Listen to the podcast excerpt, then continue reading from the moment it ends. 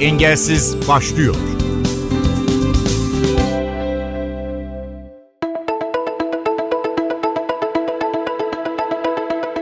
Merhaba ben Ayhan Aktaş. Görme engellilerde atletizm önemli başarılara imza atılmış bir branş. Milli sporcu Öznur Akbulut da arka arkaya elde ettiği Avrupa şampiyonluklarıyla dikkat çeken bir sporcu. Akbulut hem özel hem de sportif kariyerine ilişkin sorularımızı yanıtladı.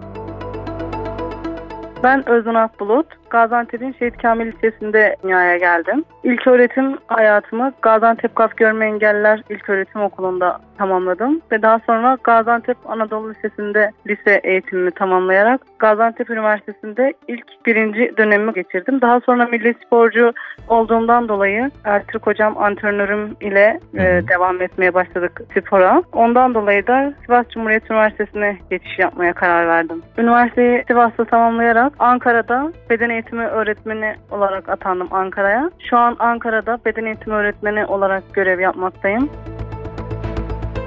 Spora GAP Görme Engelliler İlköğretim Okulu'nda beden eğitimi öğretmenim sayesinde keşfedildim. Bana sürekli sen çok iyi bir sporcu olacaksın, geleceğin en iyi atleti olacaksın diye gözlemliyordu. Ben ilk başta spora görme engellilerin oynadığı branş golbol ile başladım. Golbol'dan sonra atletizme geçiş yaptım. Atletizmde baktım çok iyi koşuyorum. Yani çok iyiyim, güçlüyüm. Antrenörlerim tarafından e, keşfedildim. İlk antrenörüm Serhat Polat tarafından keşfedildim. O beni keşfedince onunla beraber uzun süre çalıştık. Şu altın madalya kazandık Avrupa Şampiyonası'na üst üste. İngiltere, Galler'de 100, 200, 400 metrede Avrupa şampiyonluğu elde ettim onun sayesinde. Kılavuz atlet kullanıyor musunuz? Evet ben de kılavuz atlet kullanıyorum. Çünkü kılavuz atlet kullanmadan koşamıyorum. B1 klasmanında koştuğum için B1 olanlar mutlaka kılavuz atlet kullanıyorlar. B1 olmak demek hiç görmemek anlamına geliyor. Kılavuz atlet B1 sporcuların yani hiç görmeyen klasmanda yarışan sporcuların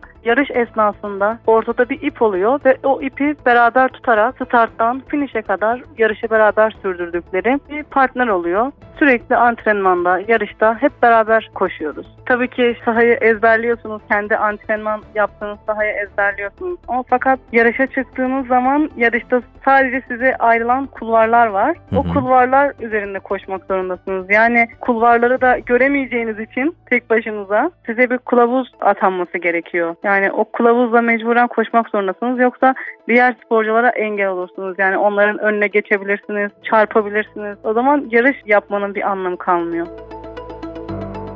En sevdiğim özelliği spor yaparken insan bilimsel olarak da zaten açıklanıyor. Vücut dopamin ve serotonin hormonları salgılıyor ve bu sayede insan çok çok mutlu oluyor ve eş zamanlı olarak insan çok sağlıklı oluyor. Şu an ben spora ara vermek zorunda kaldım. Bir tane bebeğimiz oldu bizim. Oğuz Akbulut eşim benim. Hı hı. E, bebeğimiz olunca iki yıl bir ara vermek zorunda kaldım ve şu an tekrardan döndüm spor hayatıma. Ve insan çok daha sağlıklı, çok daha mutlu, çok daha huzurlu oluyor ve daha verimli olduğunu düşünüyorum yani. Peki Oğuz Akbulut, o da sizin gibi milli sporcu. Eşinizin de milli sporcu olması ya da eşiniz için de aynı şekilde sizin bir milli sporcu olmanızın evde nasıl bir e, atmosfer oluşturuyor? Sizi nasıl motive ediyor yarışlar öncesi ya da sonrası? Mutlaka sürekli yarışla ilgili konuşuyoruz ve sürekli değerlendirmeler yapıyoruz evde. Nasıl olur, nasıl daha iyi oluruz ve nasıl daha başarılı oluruz diye sürekli sohbet içerisinde oluyoruz ve birbirimizi sürekli motive ediyoruz. Hani yaparsın, sen daha iyi yaparsın. Kendi antrenmanlarımızı sürekli gördüğümüz için birbirimizin. Çocuğumuzun olması da bizim için çok büyük bir ayrıcalık oldu. En azından motivasyon kaynağı.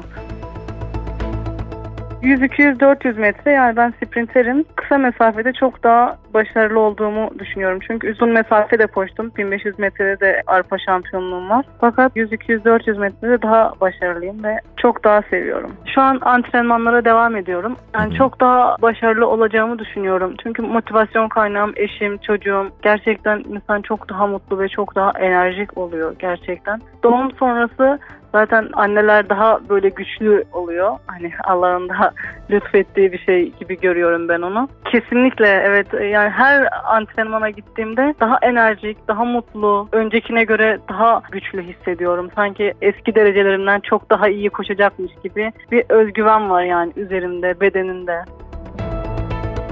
Antrenman günü mutlaka sabah antrenmanı akşam antrenmanında yapmak zorunda kalıyorsunuz. Çünkü başarılı olmak için mutlaka fedakar olmak gerekiyor. Yani sosyal aktivitelerinizden vazgeçmek gerekiyor. Sadece tek işiniz koşmak, tek işiniz spor yapmak oluyor o belirlediğiniz yarışa kadar. Olimpiyatsa olimpiyatlara kadar dünya şampiyonası, dünya şampiyonası. Tabii sonrasında kendinizi ödüllendirdiğiniz dönemler kısa bir dönem oluyor. Ama başarıyı elde etmek için mutlaka çift antrenman yapmak gerekiyor. Ve dinlenmeleri de çok iyi yapmak gerekiyor. Yediğiniz, içtiğinize dikkat etmeniz gerekiyor. Yani sağlıklı beslenmek ve eş zamanlı olarak güçlü bir antrenman yapmak gerekiyor gün içinde. Sadece bu. Görme engelli atlet Öznur Akbulut'la NTV Radyo'da sohbetimize devam ediyoruz. B1 seviyesinde yani total görme engelli olduğunuzdan bahsettiniz, hiç görmeyenler seviyesinde. Peki bu hem anneliğinizde hem de sosyal hayatınızda size ne gibi zorluklar yaşatıyor? Bunları nasıl çözüyorsunuz? Başta bebek olmadan önce çok zorlanacağımı düşünüyordum. Fakat bebeğim dünyaya gelince hiçbir zorluğun olmadığını ve her şeyin çok daha kolay olduğunu fark ettim. Hiçbir şeyde de zorlandığımı düşünmüyorum. Banyosunu kendim yaptırıyorum. Kişisel ihtiyaçlarını kendim, her şeyini kendim yapabiliyorum. Yani hiçbir problem olmuyor. İnsanlar dışarıdan bakarken hani nasıl yapıyorsun, yapabiliyor musun, işte kim yardım ediyor olayı oluyor ama yani eşimle beraber çok güzel sürdürebiliyoruz.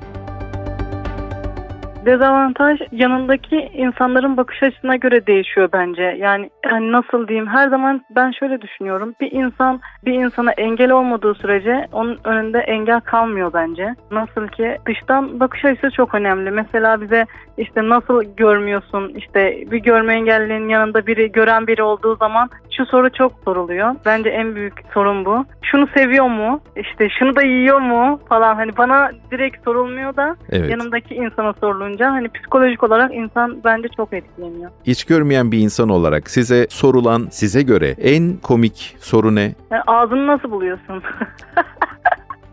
Yemek nasıl yiyorsun? Çok komik. 2023 benim için çok çok çok güzel geçti. Eşim, bebeğim ve ben çok muhteşem bir üçlü olarak çok güzel geçirdik ve inşallah çok da güzel geçirmeye devam edeceğiz inşallah. Spora başladım. Bu benim için çok güzel bir dönüş oldu. Bu da hayatıma ayrı bir mutluluk, ayrı bir heyecan katmış oldu. İnşallah 2024'te daha güzel geçer.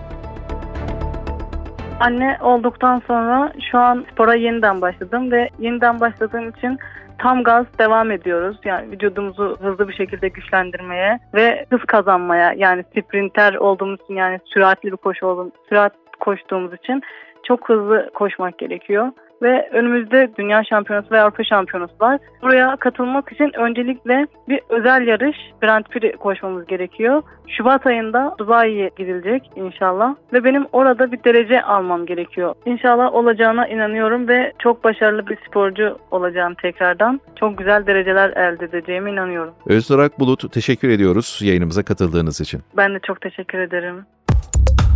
Engelsiz NTV Radyo'da Engelsiz programımıza bir haber ve bağlantıyla devam ediyoruz. Para tekvando milli sporcularımız İngiltere'nin Manchester kentinde Paris 2024 Paralimpik oyunlarına kota veren Para Tekvando Grand Prix müsabakalarında 3 madalya kazandı. Şampiyonada 63 kilo erkeklerde Mahmut Bosteke altın, 57 kilo kadınlarda Gamze Gürdal gümüş, yine erkeklerde artı 80 kiloda Mehmet Sami Saraç bronz madalya kazandı. Turnuvada gümüş madalya kazanan para tekvando kadın milli sporcumuz Gamze Gürdal, ikincilik performansını ve sportif kariyerindeki 2023 yılını değerlendirdi NTV Radyo'da engelsiz dinleyicileri için. Açıkçası benim için biraz sürpriz bir ikincilik oldu. Çünkü ben bir sakatlıktan çıktım. İki ay önce dünya şampiyonasında parmağımı kırmıştım ve açık bir kırıktı. İki kez ameliyat olmak zorunda kaldım. Bu yüzden maça girip giremeyeceğim şaibeliydi yani sakatlığım geçecek miydi o zaman bilmiyordum. Bir maçtan 10 gün önce falan kısmen iyileştim denebilir. Maça girer miydim bilmiyordum ve korkularım vardı. Çok da girmek istemiyordum çünkü tekrar kırmaktan korkuyordum. Sonra kuram çok güzel geldi. O gün kendimi çok iyi hissettim. Dedim ki ben bugün dövüşeceğim ne olursa olsun. Blok almadan dövüşeceğim ama en azından o maç korkumu bir atayım sakatlığın üzerine. Yenilirsem de yenilirim dedim. Çok şükür finale kadar çıktım. Yenilmedim. Benim için güzeldi yani. Hani elbette ki altın almak isterdim ama o sakatlığın üzerine bir de o arada bir Grand Prix maçı daha kaçırdım. Gidemedim ameliyat olduğum için. Benim için çok güzel oldu bu gümüş madalya.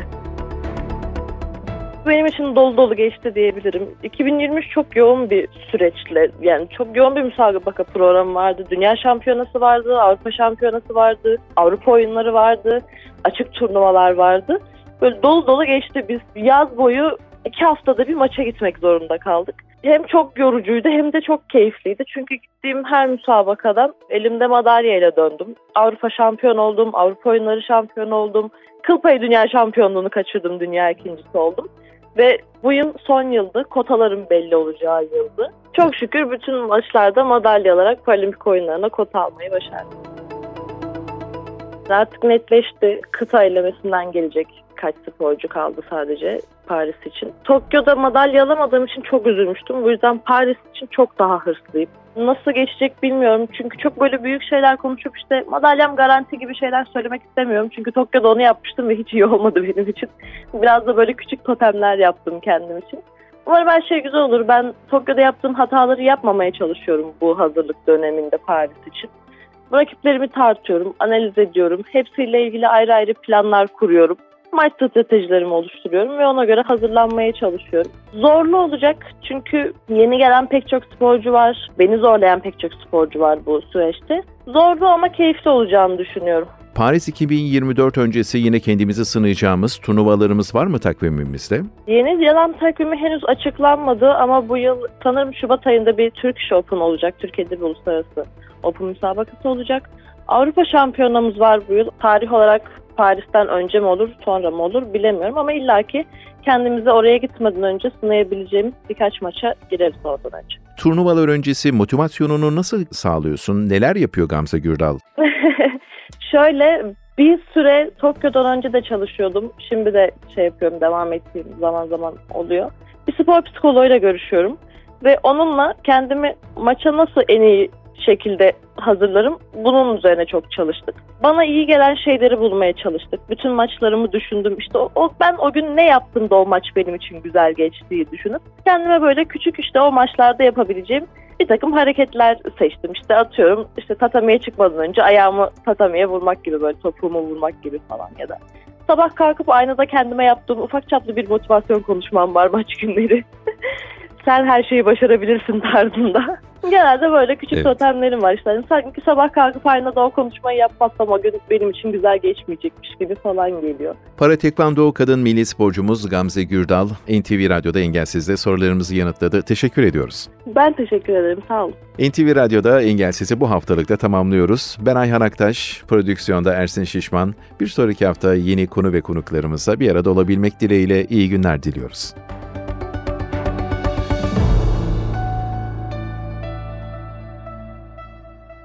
Programın tüm bölümlerini ntvradio.com.tr adresindeki podcast sayfamızdan dinleyebilirsiniz.